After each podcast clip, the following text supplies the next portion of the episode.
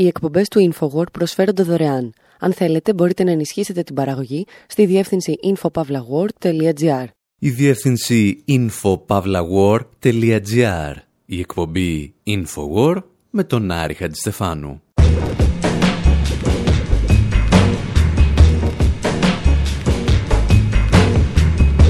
Όπου σήμερα και με τα βάουτσερ των ιδιωτικών κέντρων κατάρτισης για να συντηρήσουμε τη φωτιά στο καζάνι της κόλασης όπου βράζει ο Μίλτον Φρίντμαν.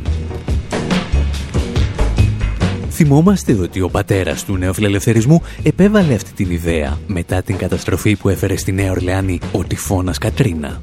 Και οι συνεχιστές του την προώθησαν επίσης στην Αϊτή, στο Πουερτορίκο, στο Ντιτρόιτ και στην Ελλάδα. Παραλίγο. Αναρωτιόμαστε πώς είναι να παίρνεις λεφτά φορολογούμενων για να στέλνεις τα παιδιά σου σε ένα χριστιανικό μεντρεσέ, όπου θα μάθουν ότι ο άνθρωπος προέρχεται από τον Αδάμ και την Εύα.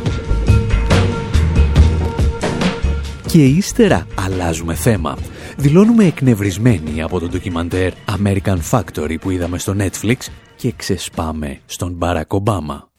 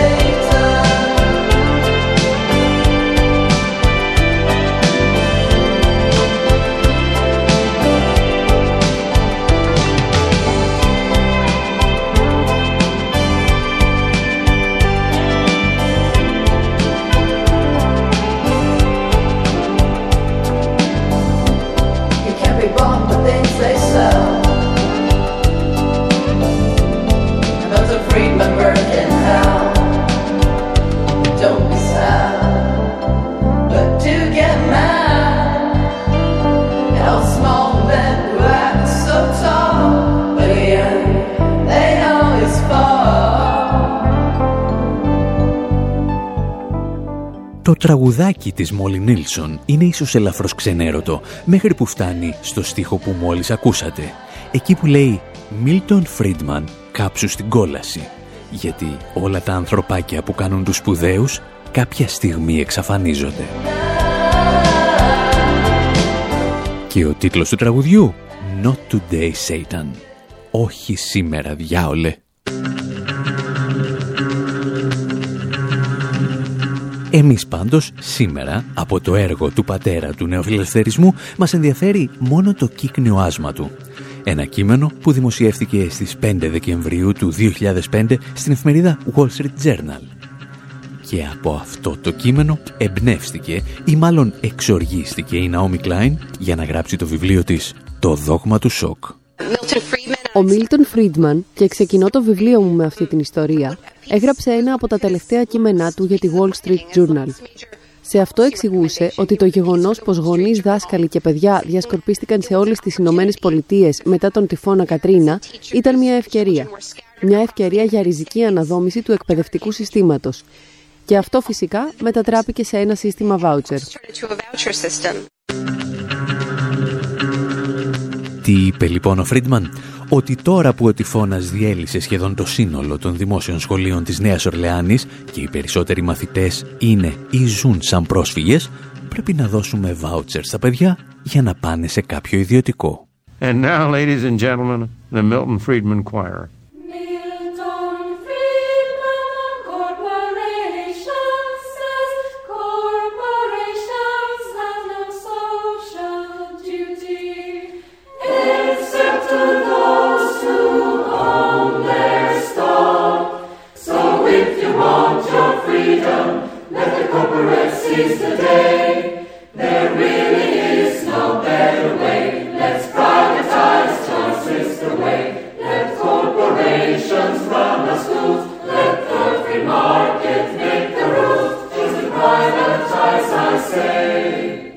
Ο Φρίντμαν ήθελε πάντα να ιδιωτικοποιήσει την εκπαίδευση, όπως μας εξηγεί και αυτό το χορδιακό κομμάτι.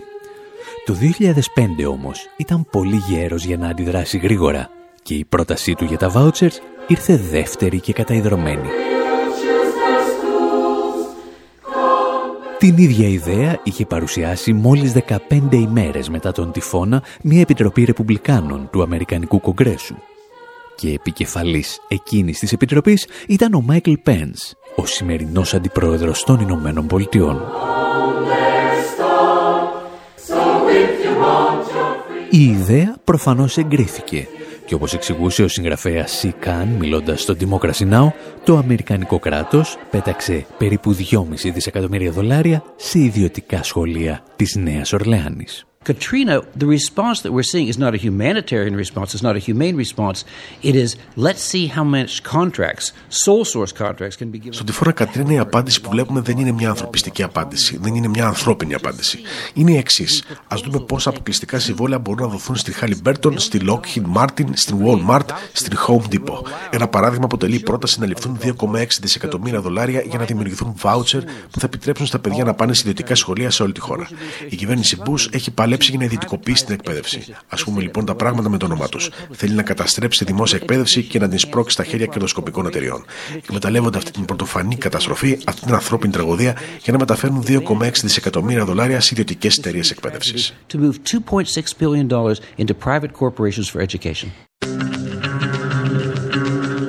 Εάν τώρα σας πει κάποιος ότι το σύστημα των vouchers λειτουργήσε καλύτερα στις Ηνωμένες Πολιτείες από τα vouchers του Βρούτσι και του Μητσοτάκη, μπορείτε να του απαντήσετε «Σκόιλε λυκικού που σε κούναγε». Μέσα σε ένα χρόνο, η Νέα Ορλεάνη βρέθηκε με ένα από τα πλέον ιδιωτικοποιημένα συστήματα εκπαίδευσης στον πλανήτη. Από τα 123 δημόσια σχολεία που διέθετε πριν από τον τυφώνα, επιβίωσαν μόνο τέσσερα με αποτέλεσμα να απολυθούν και 4.700 δάσκαλοι και καθηγητές. Ελάχιστοι από αυτούς προσελήφθησαν από ιδιωτικά σχολεία, με αισθητά όμως χαμηλότερους μισθούς. Και φυσικά μόνο αφού υποχρεώθηκαν να αποχωρήσουν από τα συνδικάτα στα οποία συμμετείχαν. Αρκετά από τα σχολεία που άνοιξαν το 2006 στη Νέα Ορλεάνη δεν είχαν καν βιβλία και θρανία, ενώ συχνά διέθεταν περισσότερους σεκιουριτάδες παρά καθηγητές. Για αυτά βέβαια δεν ευθύνονται μόνο τα vouchers. Γιατί μαζί με αυτά το Αμερικανικό κράτος επιδοτούσε και τα λεγόμενα charter schools. Δηλαδή σχολεία που χρηματοδοτούνται αποκλειστικά από το κράτος αλλά λειτουργούν χωρίς σχεδόν κανένα δημόσιο έλεγχο. Σαν ιδιωτικά ιδρύματα. Πρόκειται για ένα θεσμό που εισήγαγαν οι δημοκρατικοί επί προεδρίας Bill Clinton με στόχο να ιδιωτικοποιήσουν την εκπαίδευση από το παράθυρο. Γιατί ως γνωστόν οι δημοκρατικοί, οι σοσιαλδημοκράτες και οι μετανοημένοι αριστεροί είναι οι βασιλιάδες των ιδιωτικοποιήσεων και όλοι οι άλλοι είναι απλώς οδοντόκρεμες.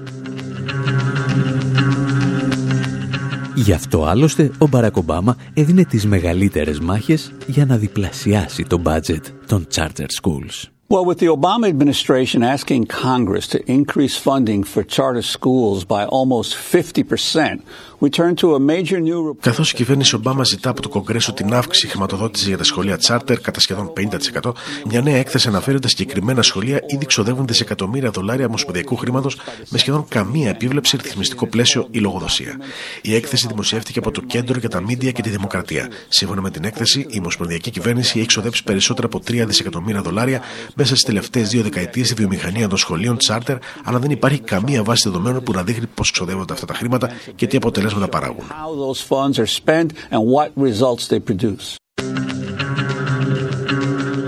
Για να επιστρέψουμε όμως στο δόγμα των vouchers, ο λόγος για τον οποίο ο Μίλτον Φρίντμαν επέμενε να εφαρμοστούν στη Νέα Ορλεάνη είναι γιατί οι κάτοικοι της πόλης βρίσκονταν σε κατάσταση σοκ ύστερα από το πέρασμα του τυφώνα.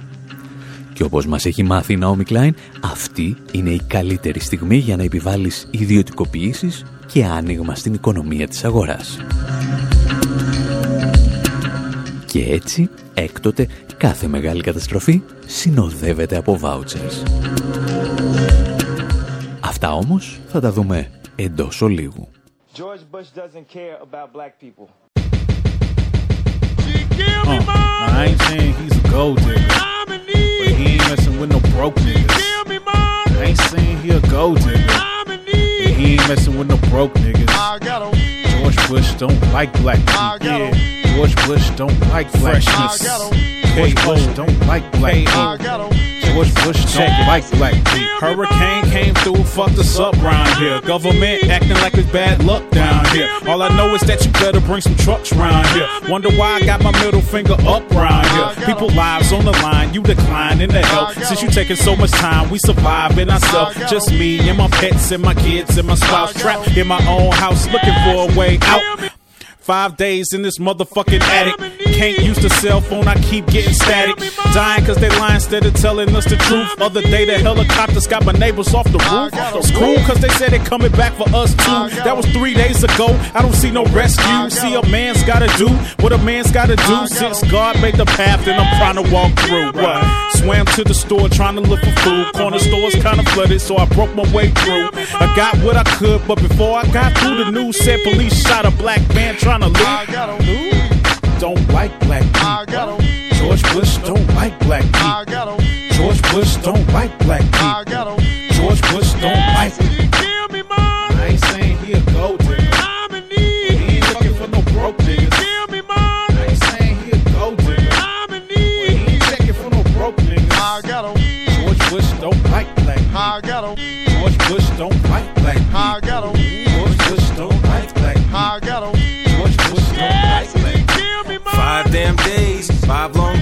At the end of the fifth, he walking in like, hey. Chillin' on his vacation, sitting patiently. Them black folks gotta hope, gotta wait and see if FEMA really comes through in an emergency. But nobody seems to have a sense of urgency. Now the mayor's been reduced to crying, and guess Bush said niggas been used to dying. He said, I know it looks bad, just have to wait. Forgetting folks were too broke to evacuate. Niggas starving and they dying of thirst. I bet he had to go and check on them refineries first. Making a killing off the price of gas. He would have been up in Connecticut twice as fast. After all that we've been through, nothing's changed. You can call Red Cross, but the fact remains that George Bush ain't a gold digger. But he ain't fucking with no broke niggas. George Bush ain't a gold digger. But he ain't fucking with no broke niggas. Come down, Bush, come on, come down. Come down, Bush, come on, come down. Come down, Bush, come on, come down. Come down. Παραμένετε στην εκπομπή Infowar, παραμένω ο Άρης Αντιστεφάνου και ακούμε τον Legendary KO που εξηγούσε τι σήμαινε να είσαι μαύρος στη Νέα Ορλεάνη με πρόεδρο τον George Bush και ακραία φυσικά φαινόμενα στην πόλη σου. Come down, George, come on, come down. Come down, George. Σήμαινε μεταξύ άλλων ότι κάποιοι θα εκμεταλλεύονταν το γεγονός όταν ήσουν αποκλεισμένος και σε κατάσταση πανικού για να ιδιωτικοποιήσουν το σύστημα εκπαίδευσης μέσω των vouchers. Το πρόγραμμα ήταν τόσο επιτυχημένο για τους αεριτζίδες της ιδιωτικής εκπαίδευσης, ώστε ο πρόεδρος Ομπάμα σκέφτηκε να ακολουθήσει το ίδιο μοντέλο και ύστερα από τον καταστροφικό σεισμό της Αιτής. Το 2010, καθώς η Αιτή θερινεί 300.000 νεκρούς και εκατομμύρια αστέγους και ενώ ετοιμάζεται να υποδεχθεί και μία επιδημία χολέρας, φτάνουν στη χώρα διεθνείς οργανισμοί που ελέγχονται από τις Ηνωμένες Πολιτείες και αμέσως μοιράζονται τους τομείς της οικονομίας που θα έπρεπε να ιδιωτικοποιηθούν. Περίπου δηλαδή όπως στην ταινία «Ο Νονός», όπου τα μέλη της μαφίας μοίραζαν τα ξενοδοχεία και τους οίκους ανοχής στην προεπαναστατική Κούβα.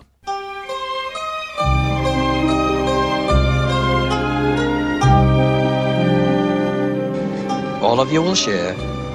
The Nacional will go to the Lakeville Road boys. The Capri to the Corleone family. The Sevilla Biltmore also, but Eddie Levine of Newport will bring in the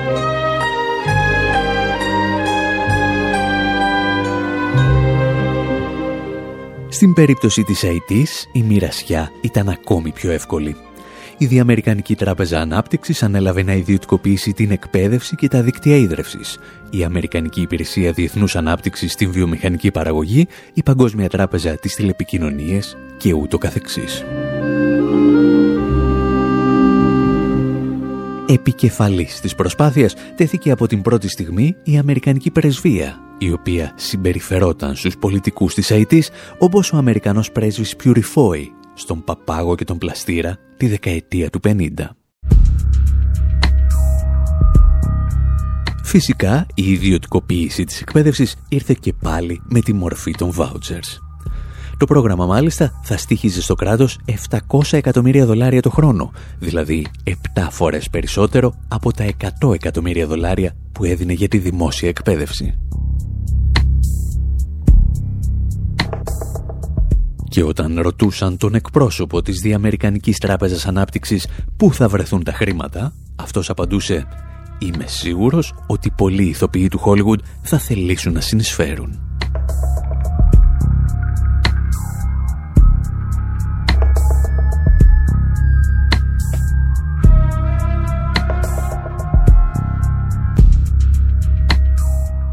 Μετά τη Νέα Ορλεάνη και την Αϊτή, τα vouchers θα γίνουν συνώνυμο του δόγματος του σοκ.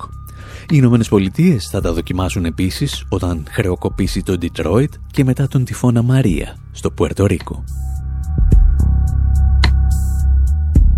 Όποιος βρίσκεται καταπλακωμένος στα ερήπια ενός σεισμού ή ενός τυφώνα, αν πεθαίνει από κάποια πανδημία ή βρίσκεται στο δρόμο λόγω χρεοκοπίας, αρπάζει ένα βάουτσερ και μπορεί να στείλει τα παιδιά του σε ένα ιδιωτικό σχολείο με λεφτά των φορολογούμενων. Και κάπου εδώ προκύπτει το ερώτημα «Και είναι καλά αυτά τα vouchers» Θα απαντήσουμε ύστερα από αυτό.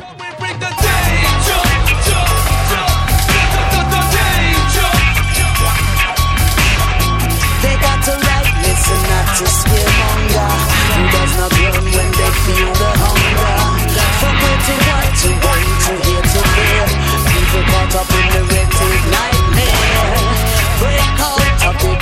chance.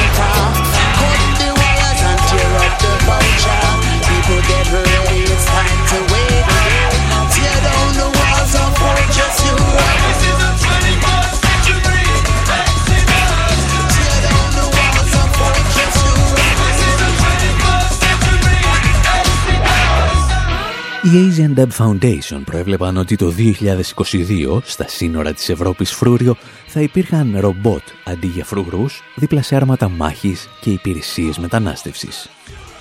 Και εκείνη τη στιγμή έλεγαν θα πρέπει να κόψεις το σειρματόπλεγμα και να κάψεις τα vouchers. Η δική μας ιστορία βέβαια δεν αφορά μόνο τα vouchers των μεταναστών, αλλά κυρίως των ημεδαπών συζητάμε για τα vouchers της εκπαίδευσης. Και αφού τα είδαμε να λειτουργούν σαν κερκόπορτα ιδιωτικοποιήσεων, θα μιλήσουμε και για άλλες λειτουργίες τους. Στις Ηνωμένες Πολιτείες, παραδείγματος χάρη, λειτουργούν σαν ένας μηχανισμός για την ενίσχυση της θρησκευτικής διδασκαλίας σε βάρος του Αμερικανικού Συντάγματος. Το ρεπορτάζ είχε το Αμερικανικό δημόσιο ραδιόφωνο του NPR. School vouchers are a big, controversial idea that President Trump and Education Secretary Betsy DeVos both support. Some 15 states offer them, plus Washington, D.C., which has the only federally funded voucher program. Τα σχολικά βάουτσερ είναι μια αμφιλεγόμενη ιδέα, την οποία στηρίζουν ο πρόεδρος Τραμπ και ο υπουργός παιδείας Betsy DeVos. Τα προσφέρουν περίπου 15 πολιτείες συμπεριλαμβανομένης της πολιτείας της Ουάσιγκτον. Ένα παραδοσιακό πρόγραμμα βάουτσερ επιτρέπει στους γονείς να επιλέξουν που θα ξοδέψουν όλα ή μέρος των χρημάτων που η πολιτεία θα ξόδευε για το παιδί τους αν πήγαινε σε δημόσιο σχολείο. Σε αυτό συμπεριλαμβάνεται το να πάνε τα χρήματα σε ιδιωτικό σχολείο ή ακόμα και σε ένα ιδιωτικό θρησκευτικό σχολείο. Γι' αυτό οι επικριτές υποστηρίζουν πως τα βάουτσερ παραβιάζουν το Αμερικανικό Σύνταγμα, σύμφωνα με το οποίο το Κογκρέσο δεν μπορεί να νομοθετεί υπέρ κάποιας θρησκείας. Το 2002 όμως το Ανώτατο Δικαστήριο αποφάσισε ότι το πρόγραμμα βάουτσερ της πολιτείας του Οχάιο ήταν συνταγματικό. Το δικαστήριο απεφάνθη πως δεν ήταν η κυβέρνηση που επέλεγε να εξοδέψει χρήματα σε θρησκευτικά σχολεία, αλλά οι γονείς. Γι' αυτό ήταν που έκανε όλη τη διαφορά.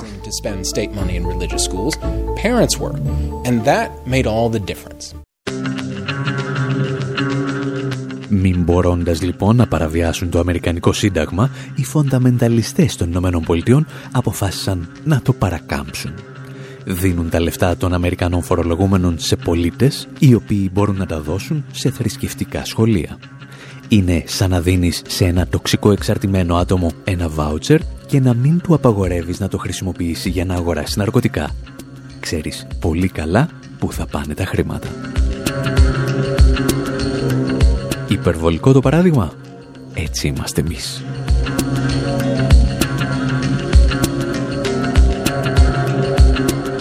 Τα προβλήματα όμως δεν σταματούσαν εκεί. Γιατί, όπως εξηγούσε το NPR, τα παιδιά έπαιρναν μεν τα vouchers αντί να λαμβάνουν δωρεάν δημόσια εκπαίδευση, αλλά αυτό δεν σήμαινε αναγκαστικά ότι τα ιδιωτικά σχολεία θα τα δέχονταν. Now, supporters of vouchers say they're a kind of social justice, giving low income students access to schools they couldn't otherwise afford. Οι υποστηρικτές των βάουτσερ λένε ότι είναι ένα είδος κοινωνικής δικαιοσύνης. Δίνουν σε μαθητές χαμηλών εισοδημάτων πρόσβαση σε σχολεία στα οποία δεν θα είχαν τα χρήματα να πάνε. Από την άλλη, οι επικριτές των βάουτσερ ισχυρίζονται πως πολύ συχνά αυτά τα προγράμματα επιτρέπουν δημόσια χρήματα σε ιδιωτικά σχολεία. Κάποια προγράμματα μάλιστα επιτρέπουν στα ιδιωτικά σχολεία να επιλέξουν τους μαθητές που θα δεχτούν. Έτσι μπορούν να αρνηθούν την πρόσβαση σε μαθητές χαμηλών επιδόσεων ή ακόμα και σε μαθητές με αναπηρίε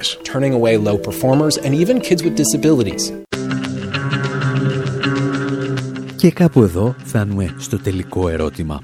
Ακόμη και αν ξεχάσουμε τους τρόπους με τους οποίους επιβάλλονται, μπορεί τελικά τα vouchers να είναι καλύτερα για έναν μαθητή ή έναν εκπαιδευόμενο; Η εμπειρία των Ηνωμένων Πολιτειών, μας λέει το NPR, είναι ελαφρώς προβληματική. As for the research on vouchers, it's been mixed. There's limited evidence early on that some students benefited from a shift to private schools, but more recent studies of programs. Τα συμπεράσματα ερευνών σχετικά με τα voucher είναι ανάμεικτα. Υπήρχαν περιορισμένες ενδείξεις ότι κάποιοι μαθητές ωφελήθηκαν από τη μετακίνηση ιδιωτικά σχολεία. Πιο πρόσφατες έρευνες όμως σε προγράμματα της Λουζιάννα, το Χάιο, την πολιτεία της Ουάζιγκτον και της Ινδιανάπολης έδειξαν ότι οι μαθητές των voucher χάνουν έδαφος και μάλιστα σημαντικά. Πολλές έρευνες όμως συμφωνούν ότι υπάρχει ένα πιθανό όφελος των voucher. Παρουσιάζεται μια μικρή βελτίωση επιδόσης των μαθητών κοντινών δημόσιων σχολείων. Αυτό βέβαια βοηθά μόνο τα παιδιά που επιλέγουν να μην χρησιμοποιούν βάουτσερ. Though, of course, that only helps the kids who choose not to use vouchers. Εσείς πάλι μένετε εδώ, γιατί στο δεύτερο μέρος εκπομπής θέλουμε να μοιραστούμε μαζί σας ιστορίες για ένα ωραίο ντοκιμαντέρ που μας εκνεύρισε.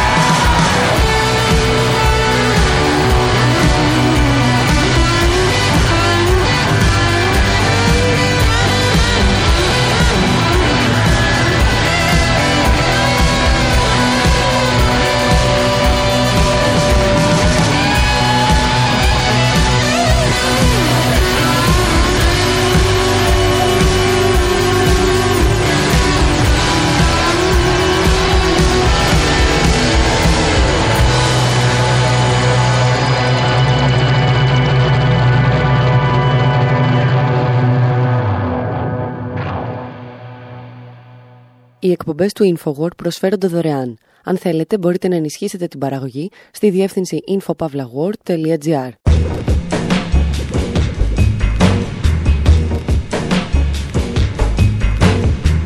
Η εκπομπή InfoWord με τον Άρη Χατστεφάνου όπου σήμερα εκνευριστήκαμε με ένα ωραίο ντοκιμαντέρ που είδαμε και σκεφτήκαμε να το μοιραστούμε μαζί σας. Τον εκνευρισμό, όχι τον ντοκιμαντέρ. Παρακολουθούμε το American Factory και σκεφτόμαστε τι ωραία που ο Μπαράκ Ομπάμα χρηματοδότησε μια παραγωγή υπέρ των συνδικάτων και εναντίον των εργοδοτών ενός μεγάλου εργοστασίου. Και ύστερα θυμόμαστε ότι το εργοστάσιο τυχαίνει να είναι κινέζικο και όχι αμερικανικό. Αναρωτιόμαστε γιατί δεν χρηματοδότησε ένα ντοκιμαντέρ για τις συνθήκες εργασίας στην Amazon.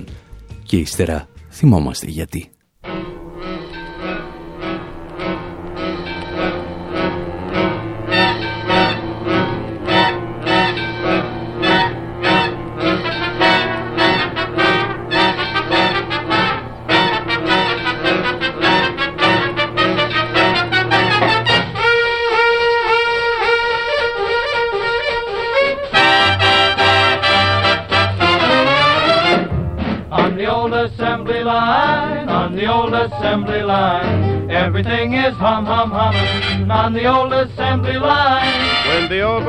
Combine with the mighty dollar sign, there'll be miles and miles of American smile from the factory to the mine on the old assembly line.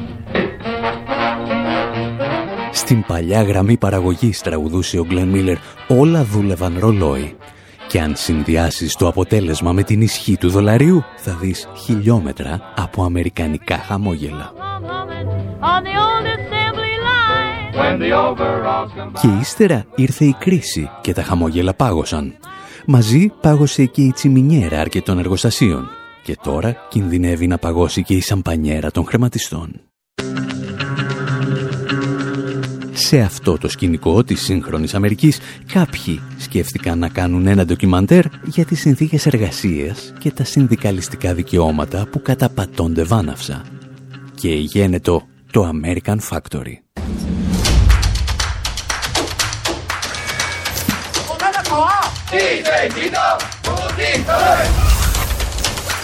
We hope someday to get this good. 他动作比较慢，一直一直一直教一直教。 Ομολογουμένως δεν έχουμε κάτι να προσάψουμε στο ίδιο το ντοκιμαντέρ. Δείχνει από την πρώτη στιγμή την εκμετάλλευση των εργατών, τον εκφοβισμό τους από την εργοδοσία και τις μεθόδους που χρησιμοποιούνται για να σπάσουν τα συνδικάτα. Και ύστερα ήρθαν τα Όσκαρ. And the Oscar goes to American Factory.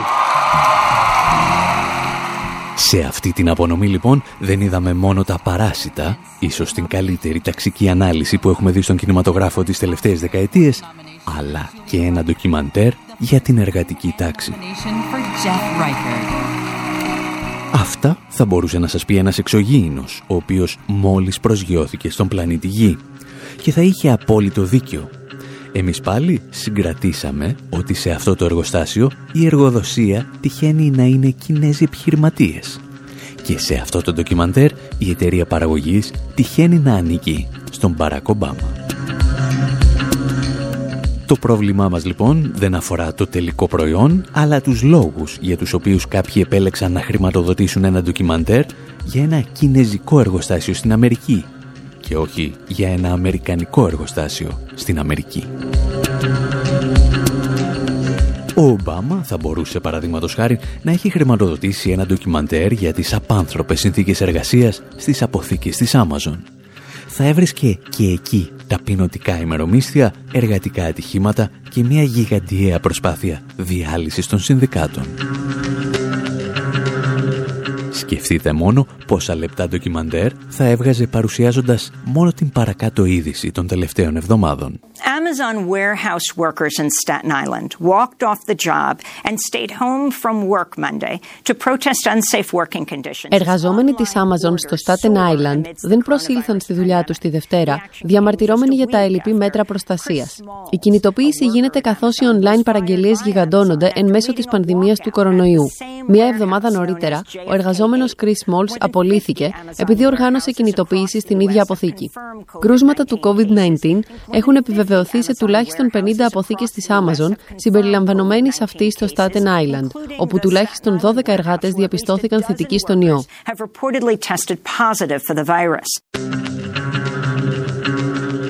Για την ιστορία, ο Μπέρνι Σάντερς όταν πληροφορήθηκε την απόλυση του Chris Small έγραψε στο Twitter ότι είναι απαράδεκτη. Του απάντησε αμέσως ο αντιπρόεδρος της Amazon, λέγοντάς του ότι καλά έκαναν και τον απέλησαν γιατί είχε παραβιάσει τους κανόνες του social distancing.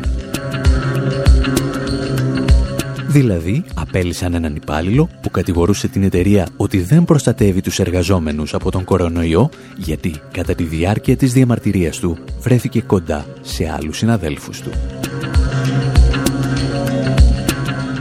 Ο αντιπρόεδρος της Amazon λέγεται Jay Carney και ήταν ένας από τους στενότερους συνεργάτες του Μπαράκ Ομπάμα. Για την ακρίβεια ήταν ο διευθυντής του γραφείου τύπου του Λευκού Οίκου για τέσσερα χρόνια. Σκεφτείτε λοιπόν εάν ήταν τελικά πιθανό ο Ομπάμα να χρηματοδοτούσε ένα ντοκιμαντέρ εναντίον ενός πρώην βασικού συνεργάτη του που δουλεύει για τον πλουσιότερο άνθρωπο του κόσμου. Και αν το έκανε, σκεφτείτε εάν θα κέρδιζε κανένα Όσκαρ. Παρεπιπτόντως, εάν η απάντησή σας είναι καταφατική, χάνετε το χρόνο σας ακούγοντας αυτήν εδώ την εκπομπή.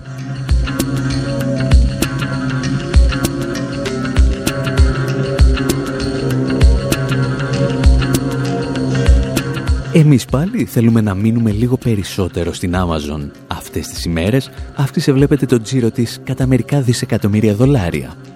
Θέλουμε λοιπόν να θυμηθούμε πώς είναι να δουλεύεις στην εταιρεία του απαράδεκτου κυρίου Μπέζου. Η Amazon, εάν δεν τη γνωρίζετε, ξεκίνησε σαν ένα διαδικτυακό βιβλιοπωλείο, στο οποίο έκανες την παραγγελία σου από το ίντερνετ και σου το έστελαν στο σπίτι, ή αργότερα σου επέτρεπαν να το φορτώσεις σε κάποιο e-book reader. Σήμερα η εταιρεία του Jeff Bezos ελέγχει το 43% του ηλεκτρονικού εμπορίου στις Ηνωμένες Πολιτείες. Παράλληλα όμως ελέγχει και το 33% της αγοράς online αποθήκευσης δεδομένων, το λεγόμενο cloud storage. Ελέγχει δηλαδή περισσότερο από το αντίστοιχο άθροισμα της Google, της IBM και της Microsoft και με αυτόν τον τρόπο καταφέρνει να καρπώνεται ένα στα δύο δολάρια που δαπανώνται στο ίντερνετ. Εάν τώρα έπρεπε να περιγράψουμε τις βασικότερες δραστηριότητες της εταιρείας με μία ανάσα, θα λέγαμε ότι ελέγχει γιγαντία δίκτυα λιανικών πωλήσεων μαζί με την αποθήκευση και διανομή των προϊόντων, προσφέρει πλατφόρμες ηλεκτρονικών συναλλαγών, υπηρεσίες τραπεζικού δανεισμού, δημοπρασίες ακινήτων, εκδόσεις βιβλίων, παραγωγή τηλεοπτικών και κινηματογραφικών ταινιών, online αποθήκευση δεδομένων, σχεδιασμό υψηλής ραπτικής και πουλάει και ζαρζαβατικά. Επειδή βέβαια οι μεγάλοι έμποροι ήθελαν πάντα να ελέγχουν και τα μέσα ενημέρωσης, ο Τζεφ Μπέζος αγόρασε πριν από μερικά χρόνια και την Washington Post. Και όπως μας εξηγούσε τότε το The Real News Network, υπήρχε μια μικρή σύγκρουση συμφερόντων, γιατί η εταιρεία του είχε μόλις κλείσει και ένα συμβολεάκι με τη CIA. A man who has 25 billion with a B dollars in personal wealth, Jeff Bezos, ένας άνθρωπος με προσωπική περιουσία 25 δισεκατομμυρίων δολαρίων, ο Τζεφ Μπέζος, ο οποίος δημιούργησε την περιουσία του ως ιδρυτής και διευθύνων σύμβολο της Amazon, τώρα είναι ο μοναδικός ιδιοκτήτης της Washington Post. Την ίδια ώρα όμως η εταιρεία του υπέγραψε συμβόλαιο 600 εκατομμυρίων δολαρίων με τη CIA. Από τη μία λοιπόν η Amazon πρέπει να προφυλάσει τα μυστικά της CIA στους υπολογιστές της, ενώ η εφημερίδα που ελέγχει ο Μπέζος θα έπρεπε να αποκαλύπτει αυτά τα μυστικά της CIA και άλλων μυστικών υπηρεσιών. Υπάρχει ένας μύθος που λέει ότι ο ιδιοκτήτης μιας εφημερίδας δεν επηρεάζει το ύφος και το είδος των ειδήσεων που παράγονται στην έδωσα σύνταξης. Στην πραγματικότητα όμως έχουμε μπροστά μας μια νέα δομική σχέση. Πρόκειται για άμεση σύγκρουση συμφερόντων.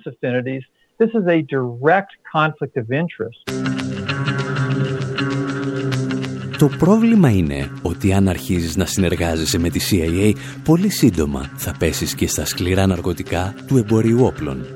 Και ο Τζεφ Μπέζος δεν είχε πρόβλημα ούτε με αυτό. Μας τα εξηγούσε παλαιότερα το Democracy Now! Amazon.com founder and Washington Post owner Jeff Bezos has announced a new partnership. Ο ιδρυτής της Amazon.com και ιδιοκτήτης της Washington Post, Jeff Bezos, ανακοίνωσε μια νέα συνεργασία με την Boeing και τη Lockheed Martin, δύο από τους μεγαλύτερους κατασκευαστές όπλων στον κόσμο. Η ιδιωτική διαστημική εταιρεία του Bezos, η Blue Origin, θα συνεργαστεί με τη United Launch Alliance, μια κοινή επιχείρηση των δύο κατασκευαστών όπλων για να δημιουργήσουν κινητήρες πυράβλων και να εκτοξεύσουν στρατιωτικούς δορυφόρους to launch military satellites. Ένας ρεαλιστής φιλελεύθερος σε αυτό το σημείο θα έλεγε με γεια του, με χαρά του. Ο Μπέζος ήταν ο άρχοντας της καινοτομίας και έχτισε με τις ιδέες του μια ολόκληρη αυτοκρατορία. Το πρόβλημά μας είναι ότι επειδή οι ιδέες του ήταν πολύ βαριές, ανέθεσε σε κάτι μισθωτούς σκλάβους να τις κουβαλάνε. Γι' αυτά όμως θα μιλήσουμε σε λιγουλάκι.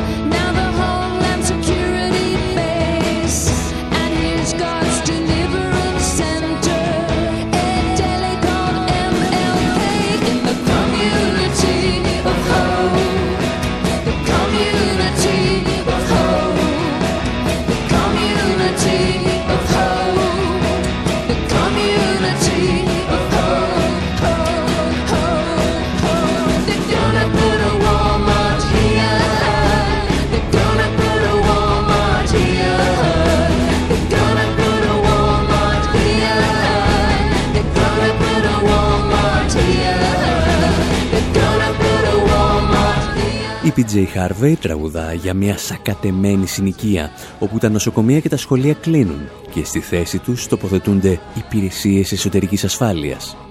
Και κάπου λέει σε μια γωνιά αυτής της συνοικίας θα ανοίξουν και ένα καινούριο Walmart. Και αυτό το Walmart μας ενδιαφέρει ιδιαίτερα σήμερα. Τα Walmart αποτελούν την μεγαλύτερη αλυσίδα σούπερ μάρκετ στις Ηνωμένες Πολιτείες και μία από τις μεγαλύτερες αλυσίδες λιανικού εμπορίου σε ολόκληρο τον πλανήτη.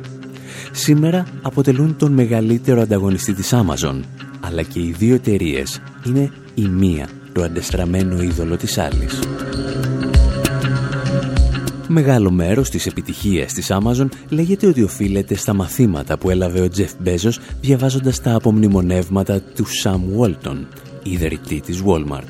Από αυτόν έμαθε τις βασικές αρχές των λεγόμενων logistics ή τη διαχείριση εφοδιαστικής αλυσίδας, η οποία του επέτρεπε να ελέγχει και το τελευταίο δευτερόλεπτο στη μεταφορά ενός προϊόντος από την αποθήκη μέχρι τον καταναλωτή. Κυρίως όμως, ο Μπέζος αντέγραψε από την Walmart τις απάνθρωπες συνθήκες εργασίας. Το 2011 ξεκίνησαν οι πρώτες μεγάλες αποκαλύψεις για τις συνθήκες εργασίας στις αποθήκες της Amazon και η εφημερίδα Morning Call στις Ηνωμένες Πολιτείες έγραφε τα εξής. Οι εργαζόμενοι είπαν ότι αναγκάζονταν να εργαστούν με τρομερή ζέστη μέσα στην αποθήκη. Κατά τη διάρκεια του καλοκαιρινού καύσωνα, η Amazon κανόνιζε να έχει διασώστες σε παρκαρισμένα ασθενοφόρα απ' έξω, έτοιμους να αναλάβουν όποιον εργαζόμενο πάθαινε αφυδάτωση ή κάποια άλλη καταπώνηση από τη ζέστη. Όσους δεν μπορούσαν να επανέλθουν γρήγορα και να επιστρέψουν στη δουλειά τους, τους έστελναν σπίτι ή τους μετέφεραν στο νοσοκομείο, και νέοι υποψήφοι ήταν έτοιμοι να ξεκινήσουν τη δουλειά ανα πάσα στιγμή. Τον Ιούνιο, ένας γιατρός από τα επίγοντα έκανε καταγγελία για ανασφαλές περιβάλλον εργασίας, αφότου είχε περιθάλψει αρκετούς εργαζόμενους στι αποθήκε της Amazon που είχαν προβλήματα που σχετίζονταν με τη ζέστη. Ένας από τους φύλακε κατήγγειλε ότι είχε δει έγκυε εργαζόμενες να υποφέρουν από τη ζέστη. Η ζέστη ή το κρύο βέβαια ήταν ίσως το μικρότερο πρόβλημα όσων εργάζονταν στις αποθήκες της Amazon γιατί κάθε φορά που εσείς κάνετε μια αγορά στο site της Amazon ένας άνθρωπος αρχίζει να τρέχει. Μέσα σε περίπου 15 με 20 δευτερόλεπτα πρέπει να έχει βρει το προϊόν στην αποθήκη για να ξεκινήσει η αποστολή του η δημοσιογράφος Μακ Μακλέλαν κατάφερε να προσληφθεί στην Amazon και περιέγραφε στο Democracy Now! πώς ακριβώς δουλεύει η αποθήκη της εταιρείας. Ήμουν αυτό που λέγεται picker, δηλαδή αυτός που συλλέγει τα αντικείμενα που παραγγέλνεις online. Και αυτές οι αποθήκες είναι εκατοντάδες χιλιάδες τετραγωνικά, τεράστιες. Και έχεις ένα μικρό σκάνερ που σου λέει που πρέπει να πας μέσα στην αποθήκη. Υπάρχει ένας χάρτης που σου λέει πόσα δευτερόλεπτα πρέπει να σου πάρει να πας εκεί. Οπότε εμφανίζεται μία μπάρμπι και έχει 20 δευτερόλεπτα να διασχίσει την απόσταση και τρέχεις εκεί που είναι το ράφι, διαλέγεις ανάμεσα σε άλλα αντικείμενα όσο πιο γρήγορα μπορείς, παίρνεις την μπάρμπι, της κανάρι και τη βάζεις σε μία τσάντα. Και έπειτα εμφανίζεται το επόμενο προϊόν και έχεις άλλα 15 δευτερόλεπτα. Και αυτό γίνεται ασταμάτητα. Είχαμε τουλάχιστον 10 ώρες βάρδιες όταν ήμουν εκεί. Και υπάρχουν άνθρωποι που κυκλοφορούν εκεί και σου λένε πόσο κοντά είσαι στο να πετύχεις ή να μην πετύχεις τους χρόνους σου. Κάθε λίγες ώρες έρχεται κάποιος και σου λέει: έχεις πετύχει το 70% του χρόνου σου. Κάνεις κακή δουλειά. Πρέπει να ανέβεις.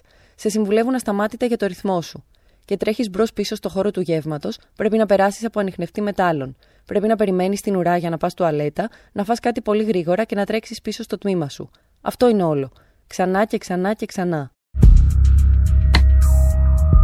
Μερικά χρόνια αργότερα η εκπομπή Πανοράμα του BBC κατάφερε να τοποθετήσει και μία μικροκάμερα σε έναν υπάλληλο της Amazon και έτσι, για πρώτη φορά, είδαμε σε εικόνα αυτά που περιέγραφε στο χαρτί η Μακ Μακλέλαντ.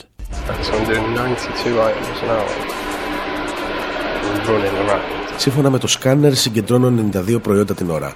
Θεωρητικά μπορείς να τα καταφέρεις αν τρέχεις. Αλλά ποιος μπορεί να τρέχει ασταμάτητα για 10 ώρες; Τώρα το σκάνερ μου λέει να γυρίσω πίσω και μου δίνει 15 δευτερόλεπτα. Δεν έχω ξανακάνει τέτοια δουλειά στη ζωή μου. Η πίεση είναι απίστευτη.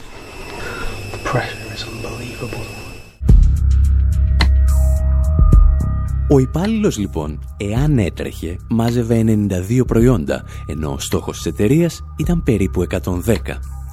Και έτσι οι διευθυντές της αποθήκης τον έπιαναν στην άκρη και του εξηγούσαν πόσο θα έπρεπε να αυξήσει την απόδοσή του.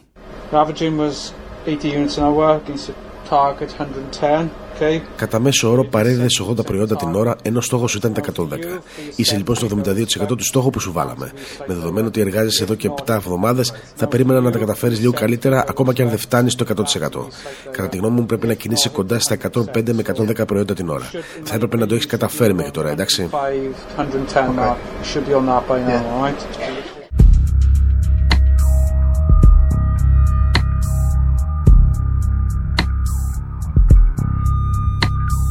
Το μοντέλο διανομής προϊόντων που ανέπτυξε η Amazon με ειδικό λογισμικό θα μπορούσε να είναι ένα δώρο για την ανθρωπότητα και για τους εργαζόμενους. Όπως έγραφε η πρωτοβουλία International Amazon Workers Voice, με το πάτημα ενός κουμπιού οι εργαζόμενοι θα μπορούσαν να κατευθύνουν τη διανομή φαρμάκων, ιατρικού εξοπλισμού, οικοδομικών υλικών και πόσιμου νερού σε κάθε γωνιά του πλανήτη. Χιλιάδες σχολεία, βιβλιοθήκες, μουσεία, νοσοκομεία και θέατρα θα μπορούσαν να χτιστούν σε ελάχιστο χρόνο όπου υπάρχουν ελλείψεις. Οι γεωγραφικοί περιορισμοί δεν θα καθορίζουν πλέον την επάρκεια των πόρων μιας περιοχής ούτε το πολιτιστικό επίπεδο των κατοίκων της. Η Amazon είναι ένα δώρο για τον πλανήτη. Μόνο που και σε αυτή την περίπτωση λειτουργεί σε λάθος σύστημα παραγωγής.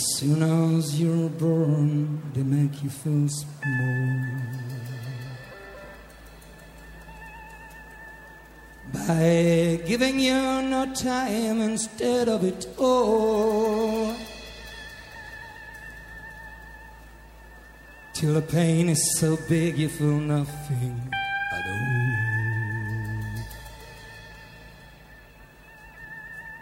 A working class hero is something to be.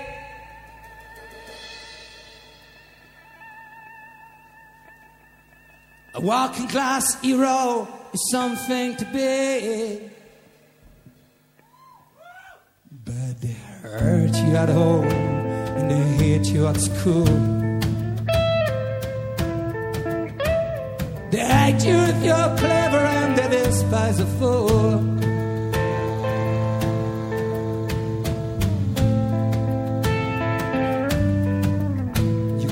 Follow the rules, but a working class hero is something to be. But a working class hero is something to be. When they've taught you that's kid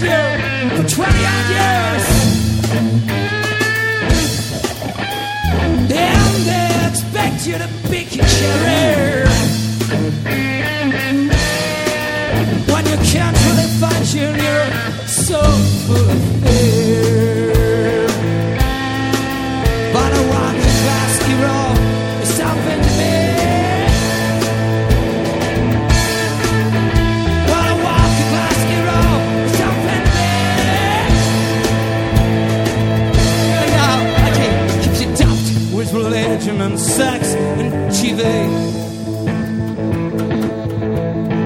and you think you're so clever and classless and frightful.